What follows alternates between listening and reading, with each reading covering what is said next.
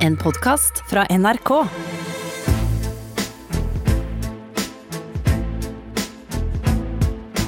Trump mot verden med Gjermund Eriksen og Sean Henrik Matheson. Hei og velkommen til eh, Trump mot verden sommerspesial, hvor jeg, Gjermund Stenberg Eriksen, skal intervjue gjester vi syns er eh, interessante å snakke med om amerikansk politikk i fortid, nåtid, fremtid og fiksjon. Og i dag blir det fiksjon på flere nivåer. Vi skal få Bente Karlsnes, som har doktorgrad og skrevet bok om falske nyheter. Og holdt på med hvordan teknologi brukes for å vinne valg i ja, som interesse, eh, har jeg blitt fortalt, i flere tiår. Fra hun studerte i USA ved det relativt smått legendariske universitetet Georgetown. Nevnes i hvert fall utrolig mye i amerikanske medier jeg forholder meg til. Her kommer intervjuet med Bente.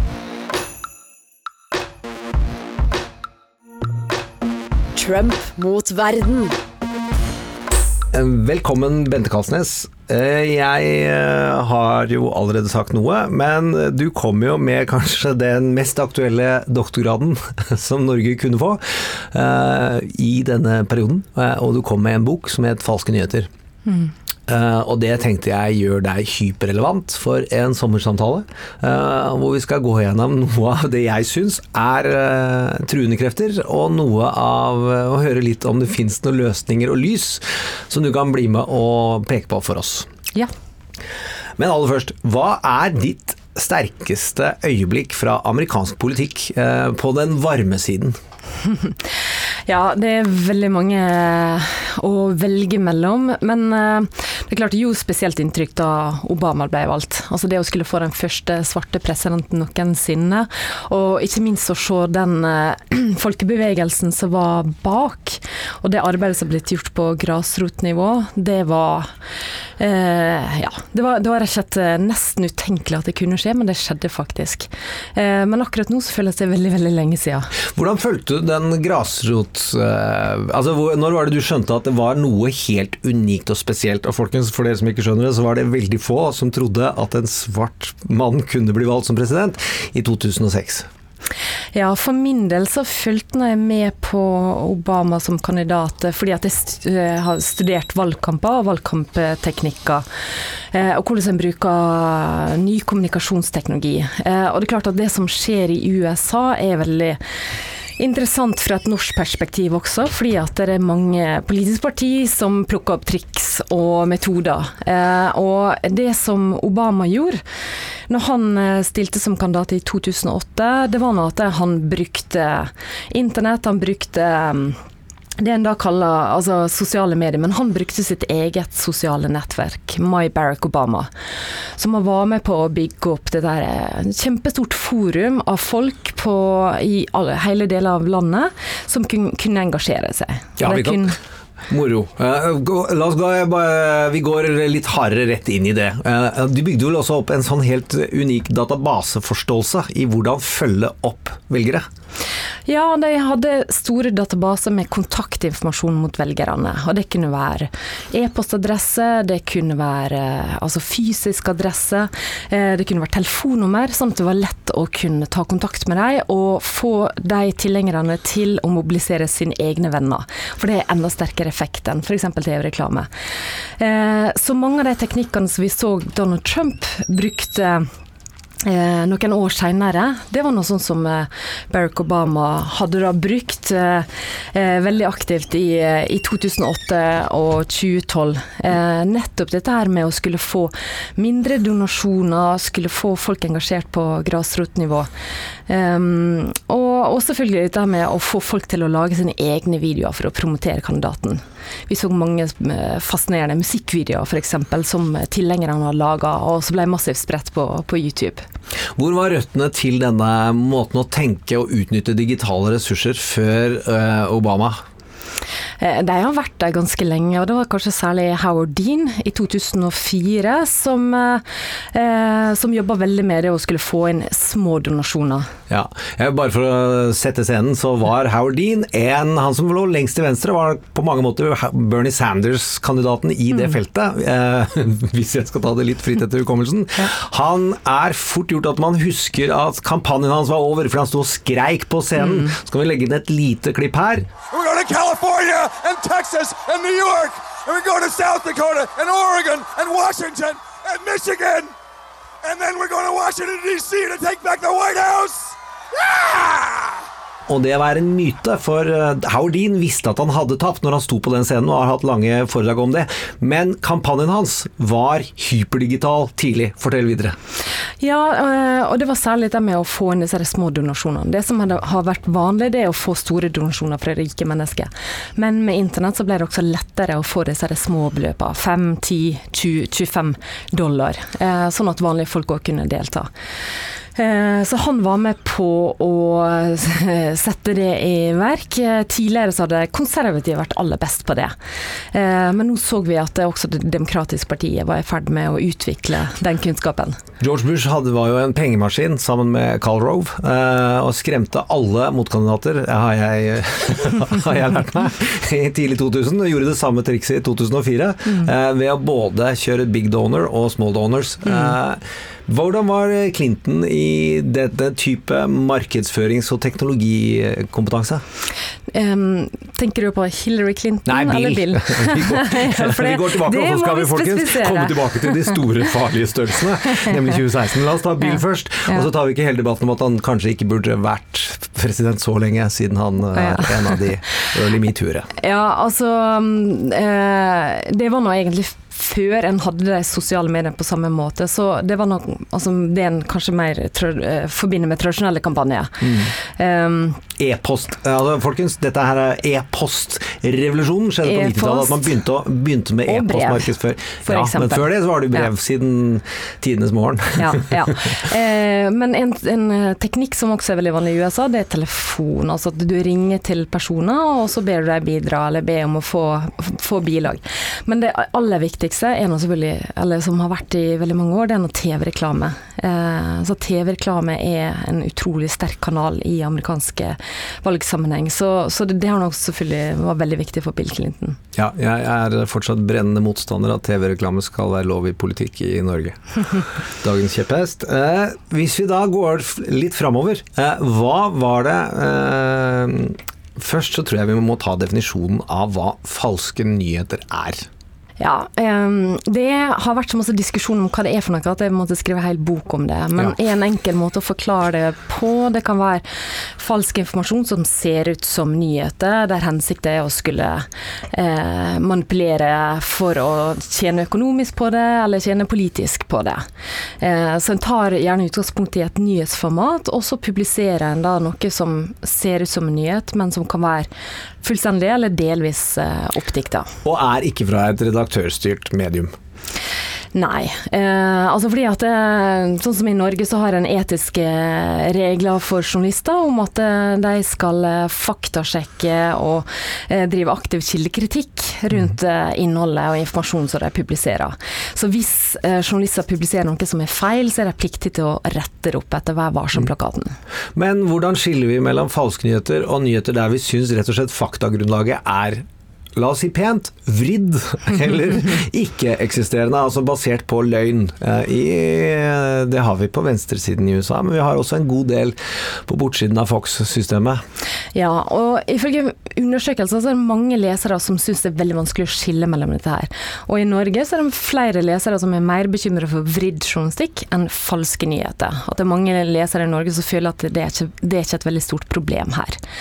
Um, men eh, at eh, journalistikken vinkler, de velger ut informasjon, velger ut kilder, det er en del av journalistikken. En kan ikke skrive eller lage sending om alt, en må gjøre valg. Og så vil det da være en del som er uenig i de valgene som blir gjort. Blant annet kildene kan være uenige, at de mener at en legger vekt på feil informasjon eller misledende informasjon.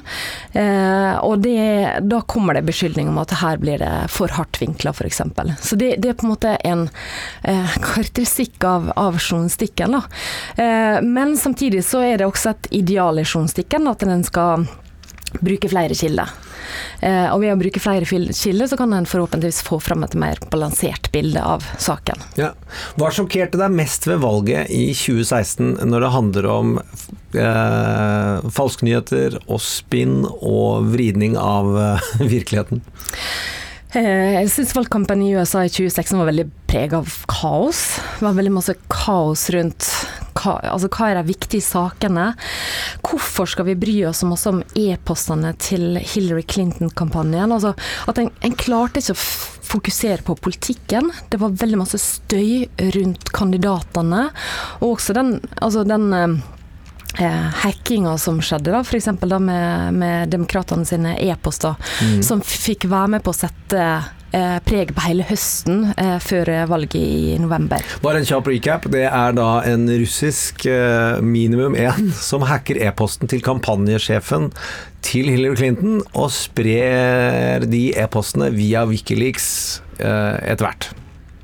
Ja, um, og i ettertid så har det blitt, framstilt som et eh, eksempel på hvordan en kan drive påvirkningskampanje. Altså, mm. eh, det har blitt avdekka at dette var russere som sto bak, eh, og at dette ble gjort bevist for å svekke eh, omdømmet, eh, tiltroen til den til, eh, kandidaten, som da var Hillary Clinton. Eh, og det, det, den støyen rundt hele e-postspørsmålet, eh, det var med på å prege eh, kampanjen til Hillary Clinton, og også fjerne fokuset fra de virkelige politiske sakene. Mm. Bruken av falske nyheter, som er noe annet enn å hacke eh, kampanjesjefens e-post. Hvor utbredt var det fra Russland sin side i 2016? Og hvor god er beredskapen mot det i 2020 i USA, sånn som du ser det? Det var mange spørsmål eh, i ett. Men uh Eh, når det gjelder omfanget, så har en i ettertid sett at en del av disse her eh, sakene som har blitt identifisert som falske, fikk veldig eh, stor oppmerksomhet. Altså, en av de aller mest delte sakene i valgkampen 2016, at paven støtta Trump sitt kandidatur, var blant de mest delte sakene i sosiale medier. Altså at folk ga masse oppmerksomhet til de sakene i sosiale medier. Mm. Og vi vet også at en del sosiale medier kontoer eh, som eh, russere sto bak, fikk en del oppmerksomhet, og også arrangement. Altså fiktive arrangement. Eh, skapt for å lage egentlig kaos, eh, gjorde at folk stilte opp. Så eh, både myndighetene, politikere, teknologiselskaper, mediene har tatt det her eh, veldig på alvor og, og sagt at det, det, her var et reelt problem. Det er vanskelig å skulle si nøyaktig hva påvirkning det hadde, men at den hadde den type russisk innblanding, det blir det gjort mange tiltak for å forhindre. Og blant annet så ser vi da at det, Teknologiselskaper har satt i gang flere tiltak for å forhindre at det samme skal skje igjen. Hvor god var vippestatskompetansen til russerne? Eh, det kan jeg ikke svare nøyaktig på, men, Nei, men... Det, som, det, som, eh, vi vet nå i ettertid som var hensikta, det er å skape større grad av kaos, større grad av polarisering, eh, skape mer støy. Eh, for på den måten også kunne svekke tilliten til politiske institusjonene og til mediene og til politikere. For på den måten så kan en også skape mer kaos i landet. Eh, og det har han eh, virkelig klart med å få Trump som kandidat. Altså, han har virkelig fått kaos i den internasjonale verdensorden, og, og på mange måter har svekka USAs rolle i verden. Mm. og, og vi, vi, ser også en nedgang i tilliten til amerikanske medier, f.eks. For fordi vi ser også at mediene har blitt mer polariserte. Det er et enda tydeligere ståsted. I grunnførselen forskninga og researchen her, klarer man å skille det hører, Nå hører jeg at det er kanskje vanskelig, men hvor mye er tilliten svekka til mediene gjennom eh, utenlandske aktørers spredning av propaganda og presidentens konstante og da må jeg virkelig si helt beundringsverdig monotont konstante dersom eh, man delte hans mål, svekking av troen på uh, klassiske medier. Ja, det å skulle forklare hva det som gjør at tilliten blir svekka, det kan være litt vanskelig. Men det en ser, det er at de som er på konservativ side, har veldig lav tillit til såkalte liberale medier. Altså mainstream media som CNN og New York Times og Washington Post. Og så ser vi tilsvarende de som er på demokratisk side, har, har eh, lav tillit til konservative medier, typiske Fox News. Så å skulle identifisere én eh, bestemt årsak, det, det, vil alltid være vanskelig i forskninga. Mm. Eh, men det betyr, altså en konsekvens av det, det er at en har den lave tilliten på tvers av ulike medier. Det betyr også at en kanskje i mindre grad hører fra motstridende stemmer. At en mm. orienterer seg primært mot de mediene som har et lignende verdistandpunkt som en sjøl, og så eh, velger en bort andre typer medier, som gjør at en kan kanskje få et bredere perspektiv på samfunnet. Eh, og det er ganske problematisk for det har en liten forståelse for andre som ikke er helt identisk med en sjøl. Mm. Eh, til vår hovedkarakter i vår podkast, eh, Donald Trump. Eh, hvordan vil du beskrive hans manipulasjonsevne? Um, han er en person som er god til å uttrykke seg med få ord, og ganske sterke ord. Han får uh, Han gjentar dem, så det gjør at folk har lett for å huske det han sier, huske budskapet hans. Uh, og vi ser også at veldig mange, blant annet i media gjentar hans sine begrep igjen og igjen. Så han får dunka inn budskapene sine eh, hos et veldig stort publikum. Eh, så ved å ha et ganske sånn kortfatta og lettfattelig budskap, så når han ut til veldig mange, også de som er interess ikke interessert i politikk. Mm. Eh, og som kanskje er ja, er misfornøyd med systemet eller har lav tillit til systemet, så, så blir han ei stemme som, eh, som, mange kan eh, støtte opp om. Selv om de kanskje ikke er enig i på en måte, detaljene i hans politikk, som også er litt sånn mangelfull. Mm. Det er utrolig moro at du har doktorgrad i medievitenskap, og nå skal jeg prøve å teste noen av mine hypoteser, eh, som kommer mer fra praksis. Eh, noe av det som irriterer meg mest med hvordan Donald Trump slipper til i mediene, er jo nettopp de enkeltbudskapene som reiser inn i overskriften, og så kommer nyansene langt ned i nyhetssaken.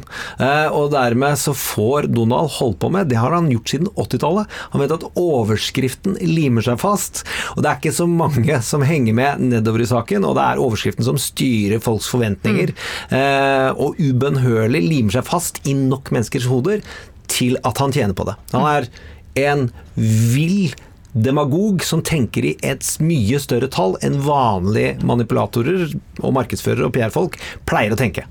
Eh, hvordan kan mediene motvirke dette? Ja, ehm, jeg er helt enig at overskrift og liksom det første eh, ingress og første delen av teksten er veldig viktig for hva folk får med seg. For alle undersøkelser viser at folk ofte dropper av nede i en nyhetsartikkel. Eh, og f.eks. når det gjelder faktasjekker, så har det blitt sagt at skal du tilbakevise en påstand uten å forsterke det som er feil eller løgnaktig, så må du først begynne med korreksjon og så kan du på en måte komme litt inn på hva har blitt påstått, men så må du tilbake til korreksjon igjen.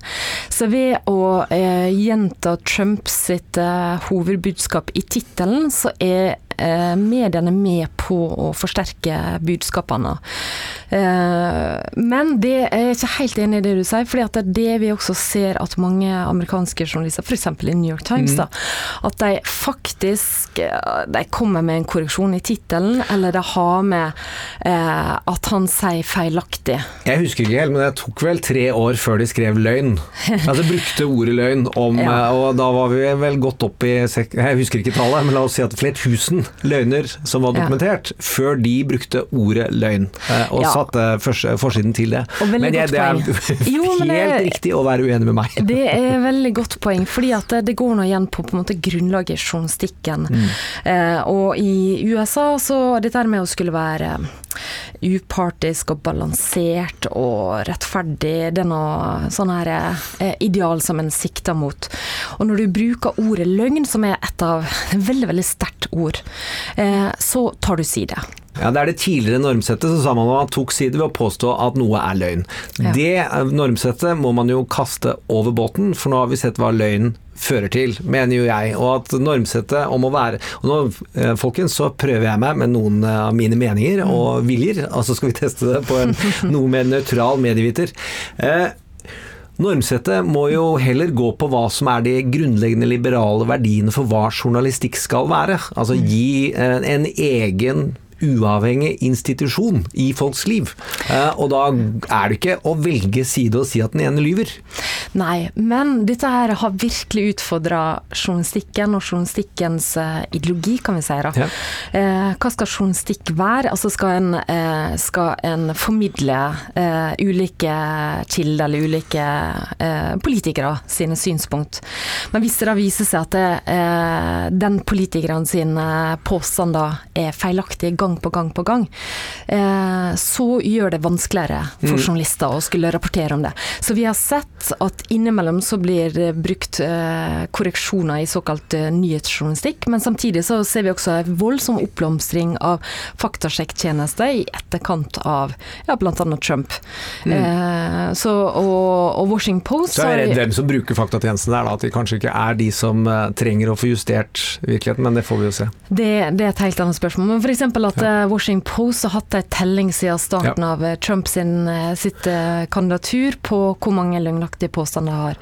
Eh, så dette her begynner å bli veldig godt dokumentert, alle de løgnene som han kommer med. Det kan man trygt si. En annen ting ved dette mediefenomenet er jo, som Donald Trump også visstnok har holdt på med, særlig basert på noen av biografiene, og min favoritt er jo Maggie Haberman i New York Times, som har dekka han fra hun var en lokalbyjournalist i en ganske uliten by eh, kalt New York, og han var en forretningsmann i New York.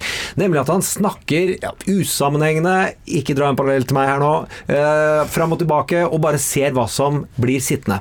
Og når han har disse rallyene, hvis, eh, så er det faktisk ganske usammenhengende hvordan han spretter fra det ene temaet til den andre. Vi har hatt fantastiske memer som har reist rundt, eh, f.eks. Sean Hannity-intervjuet i eh, juni, hvor han får et helt konkret spørsmål. Hva skal skje framover, som du er stolt av? Og han drar bakover i tid og svinger innom hvor som helst, fordi han skal produsere det klippet som egentlig får headingen. Så han bruker TV slik han bruker avisoverskrifter, nemlig skape det øyeblikket som er først i nyhetsrekka. Og der syns jeg jo TV tross alt heller ikke har eh, rydda opp i prioriteringssystemet sitt. Hva syns du? Eh, ja, altså jeg tenker at eh, Trump er veldig bevisst på hvordan eh, mediene fungerer, og, og hva som gjør at saker blir eh, nyheter. Eh, og hvordan han kan bruke ulike medier opp mot hverandre. Altså måten han bruker Twitter for å få mer oppmerksomhet eh, på TV og i nyhetene, altså eh, online eh, nettsted. Eh, han er veldig, veldig god på det. Eh, og, så, kan en også diskutere har journalistene latt seg eh, bruke i for stor grad. Har de i for stor grad blitt mikrofonstativ? Ja. Eh, men det, eh, det her er veldig tette samspillet, særlig mellom Twitter og eh, såkalt mainstream media. Det, det har han utnytta til det sterkeste. Ja. Jeg prøver å i- Altså hvis du kan bli med, og jeg har lyst til at man slutter å kalle det hovedstrømsmedia, som om det er noen alternative veier uh, i nyhetsformidling, annet enn faktabasert nyhetsformidling i bunn, eh, og heller si klassiske medier. Eh, En liten kamp, vi får se hvor lang tid det tar. Ja, Det som eh, du også kan si, det er noe redaktørstyrte medier. Ja, men, men, har det relevans for publikum som føler noe for det? I Norge så har det relevans i Ja. den forstand at eh, journalister og redaktører eh, er pliktige til å følge Vær varsom-plakaten. Ja. Eh, eller altså hvis de da sier at de følger de prinsippene som står der, så er det gjerne publisert en eller annen plass på nettstedet. Mm. I USA så vil det være litt andre typer etiske regler, men det å, å snakke om redaktørstyrte medier, det gir noen sånne forpliktelser og forventninger rundt etisk regelverk og Right. måten en håndterer f.eks. kilder på. Og hvis vi går litt tilbake i tid, eh, så hadde vi partipresse. Ja.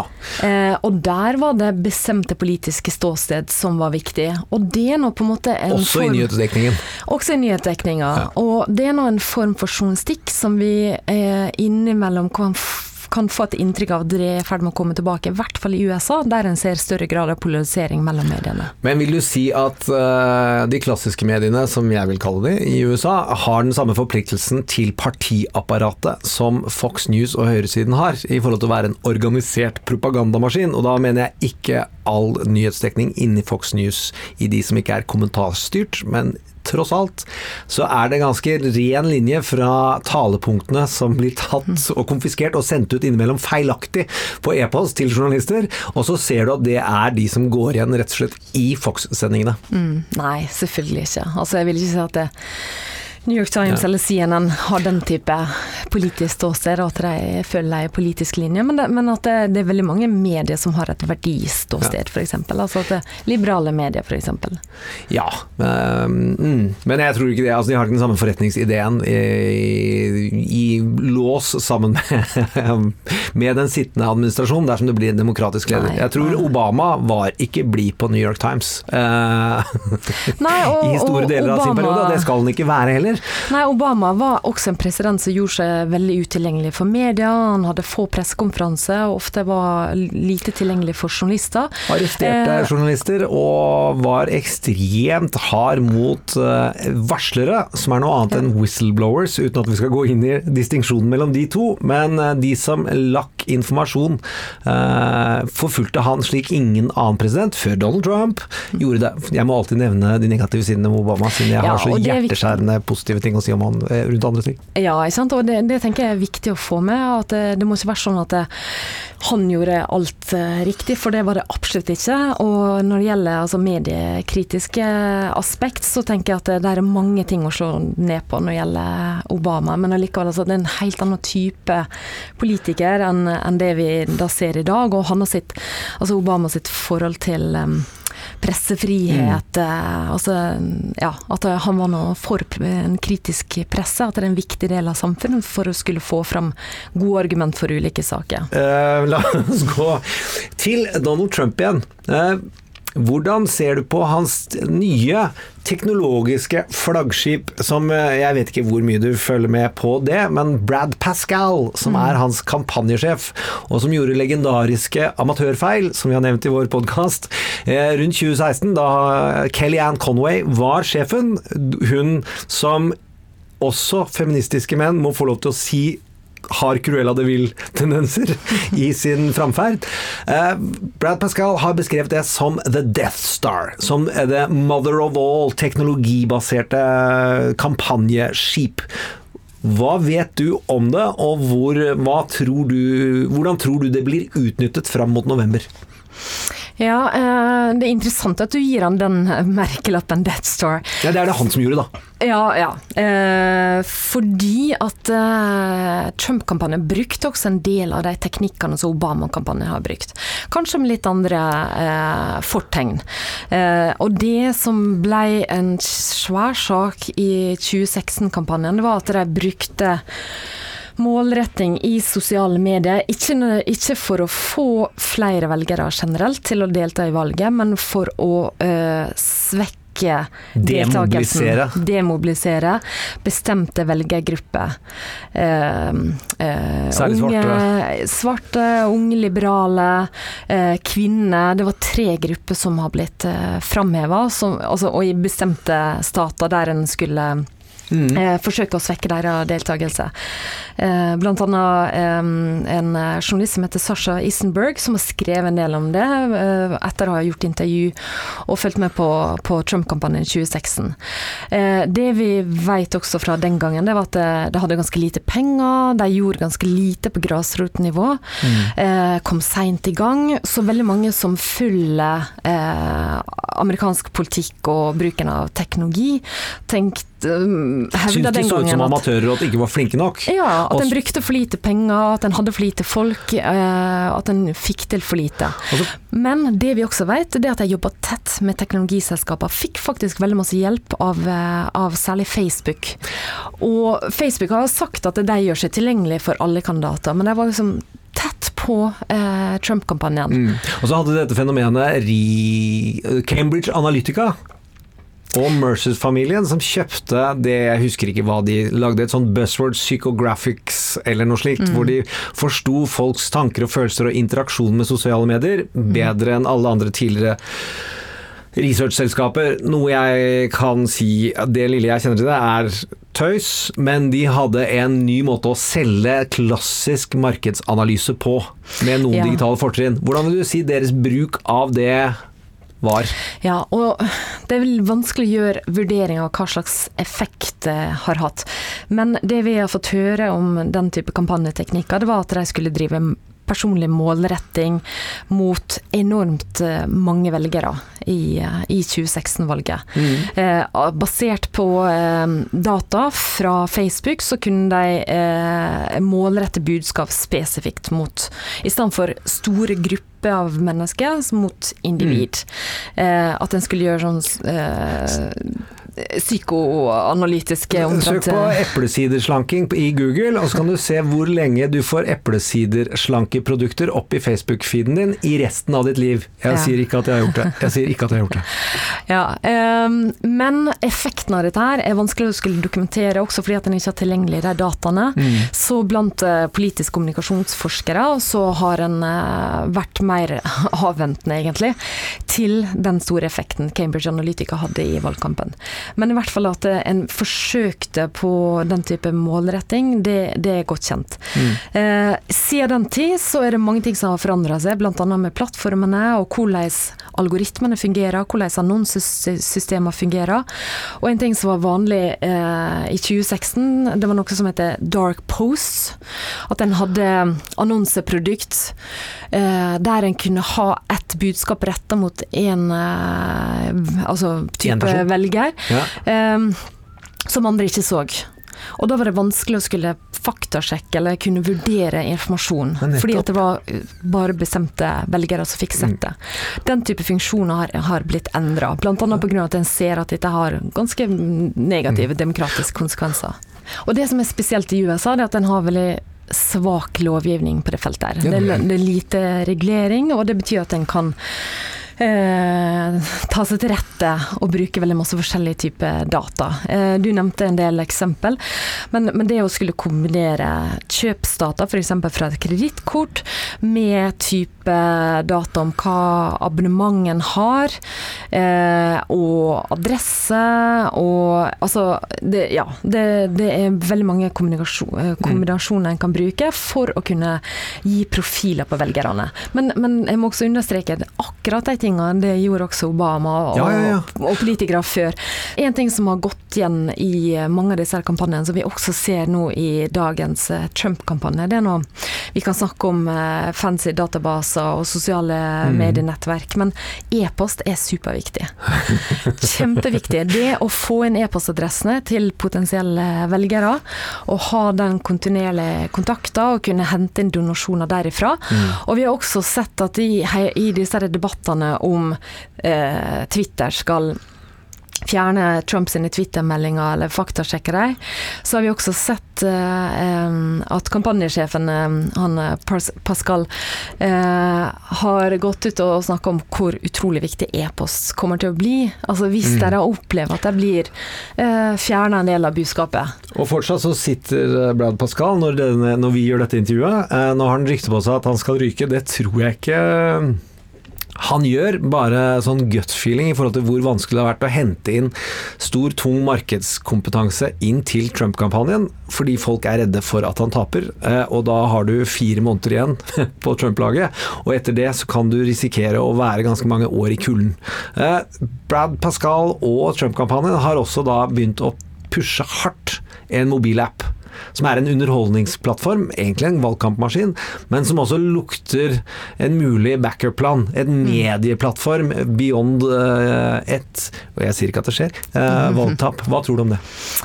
Hva, Eh, og hva vet du om det? Ja, eh, det vi har sett nå de siste månedene, det er at eh, teknologiplattformene har begynt å bli mer aktive når det gjelder å blande seg inn i innholdet. I den forstand at en eh, faktasjekker mer, en merker mer innhold, en fjerner mer innhold. Eh, og får ganske stor publisitet om det. Senest Mm. altså, i går så var det en sak om at Reddit hadde fjerna et subreddit om Donald Trump. Eh, Og i går er da ca. 1. juli, folkens. med massevis av, eh, av eh, brukere. Eh, og eh, det var også en nyhetssak om at eh, Twitch eh, skulle slutte å promotere Trump sitt eh, innhold, og, og det samme med Snapchat.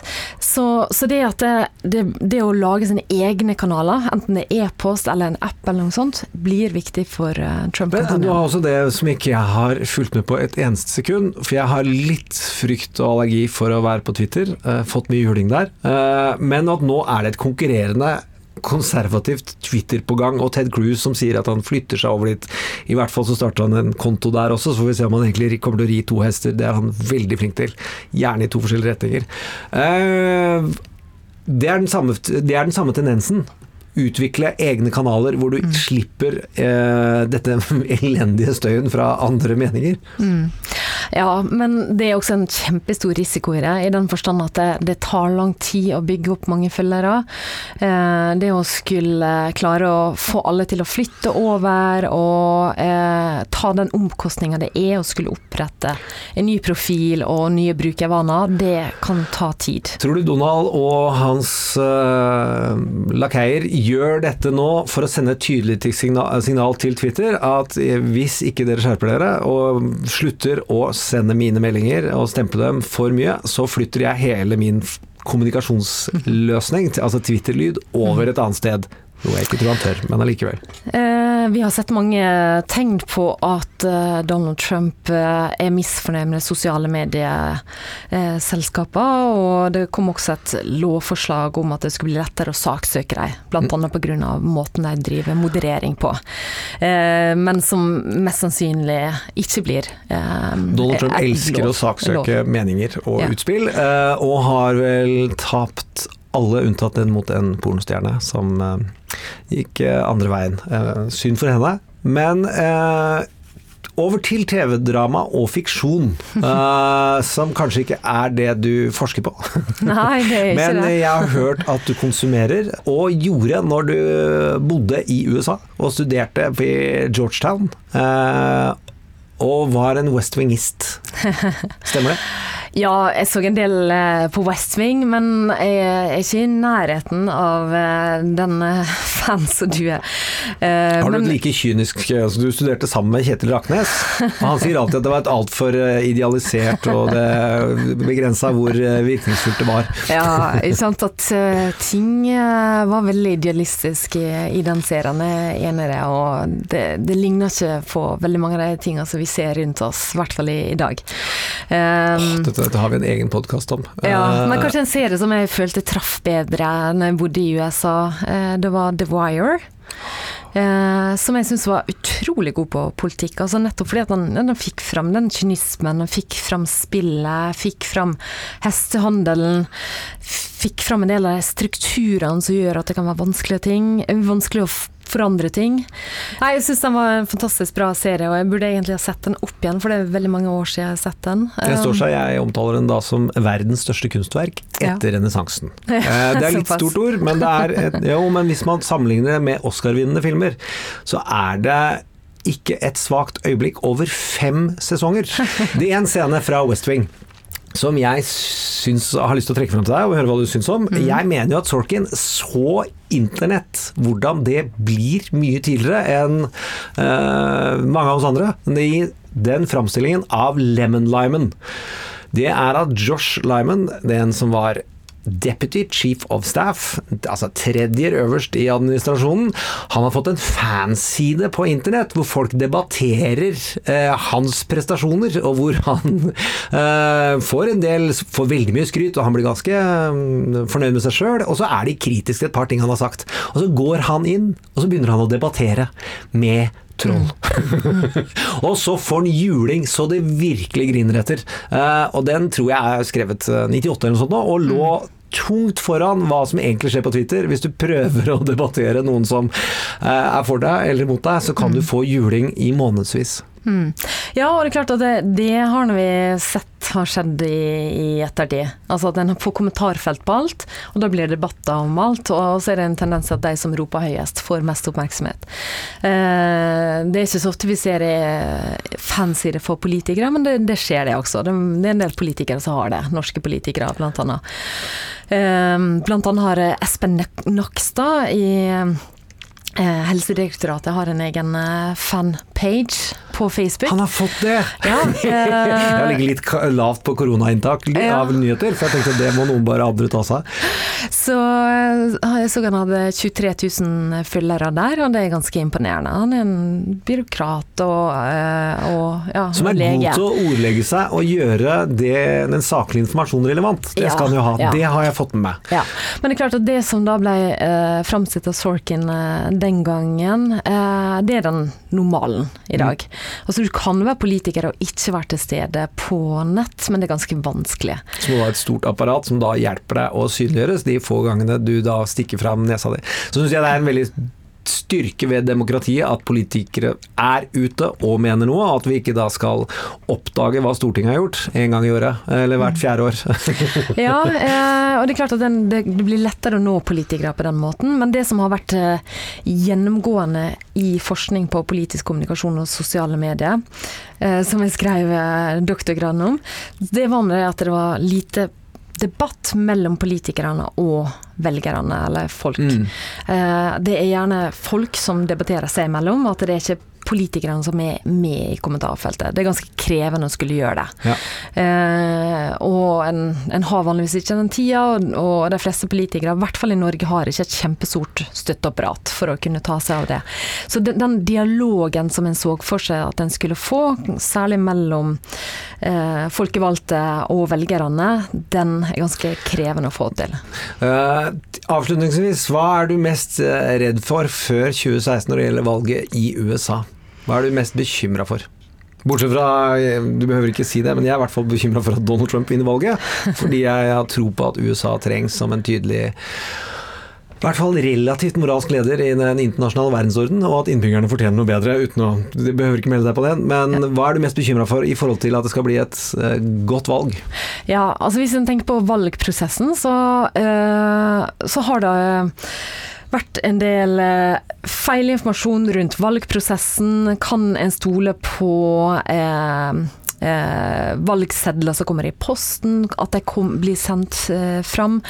Eh, vil det være forsøk på å påvirke valget igjen? Eh, eh, vil det være stor spredning av feilinformasjon som gjør at folk eh, tar sine valg på feil grunnlag?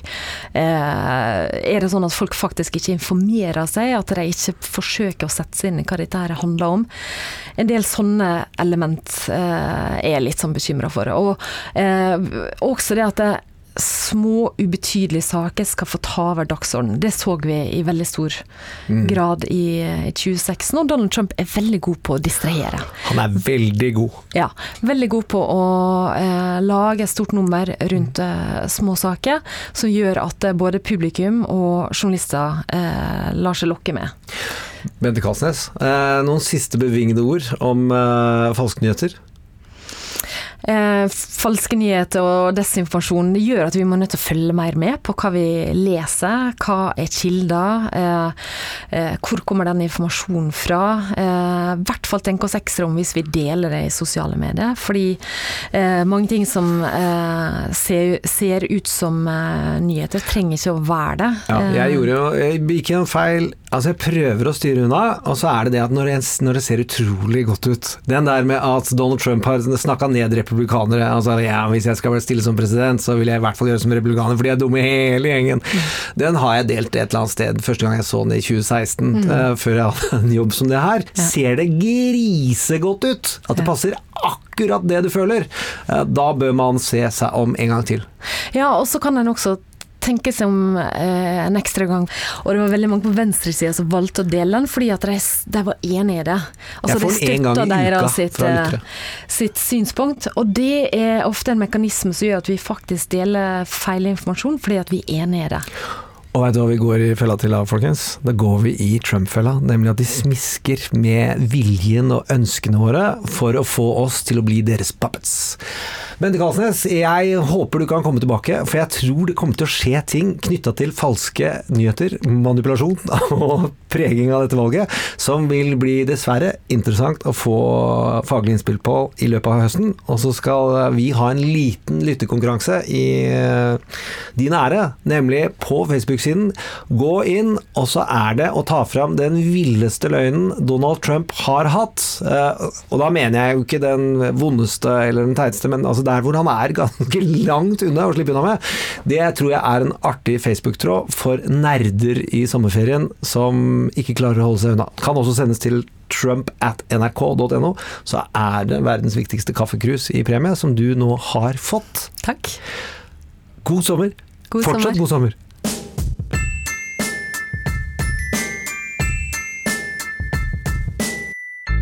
Trump mot verden. Du har hørt en podkast fra NRK. Hør flere podkaster og din NRK-kanal i appen NRK Radio. Hei, det er Tore Sagen. I perioder kan det være godt å ta av seg klovnenesa og ta på seg den seriøse blazeren. I min podkast inviterer jeg gjester som kan svare på alt jeg, og forhåpentligvis også du, lurer på. Last ned Tore Sagens podkast og andre podkaster i appen NRK Radio.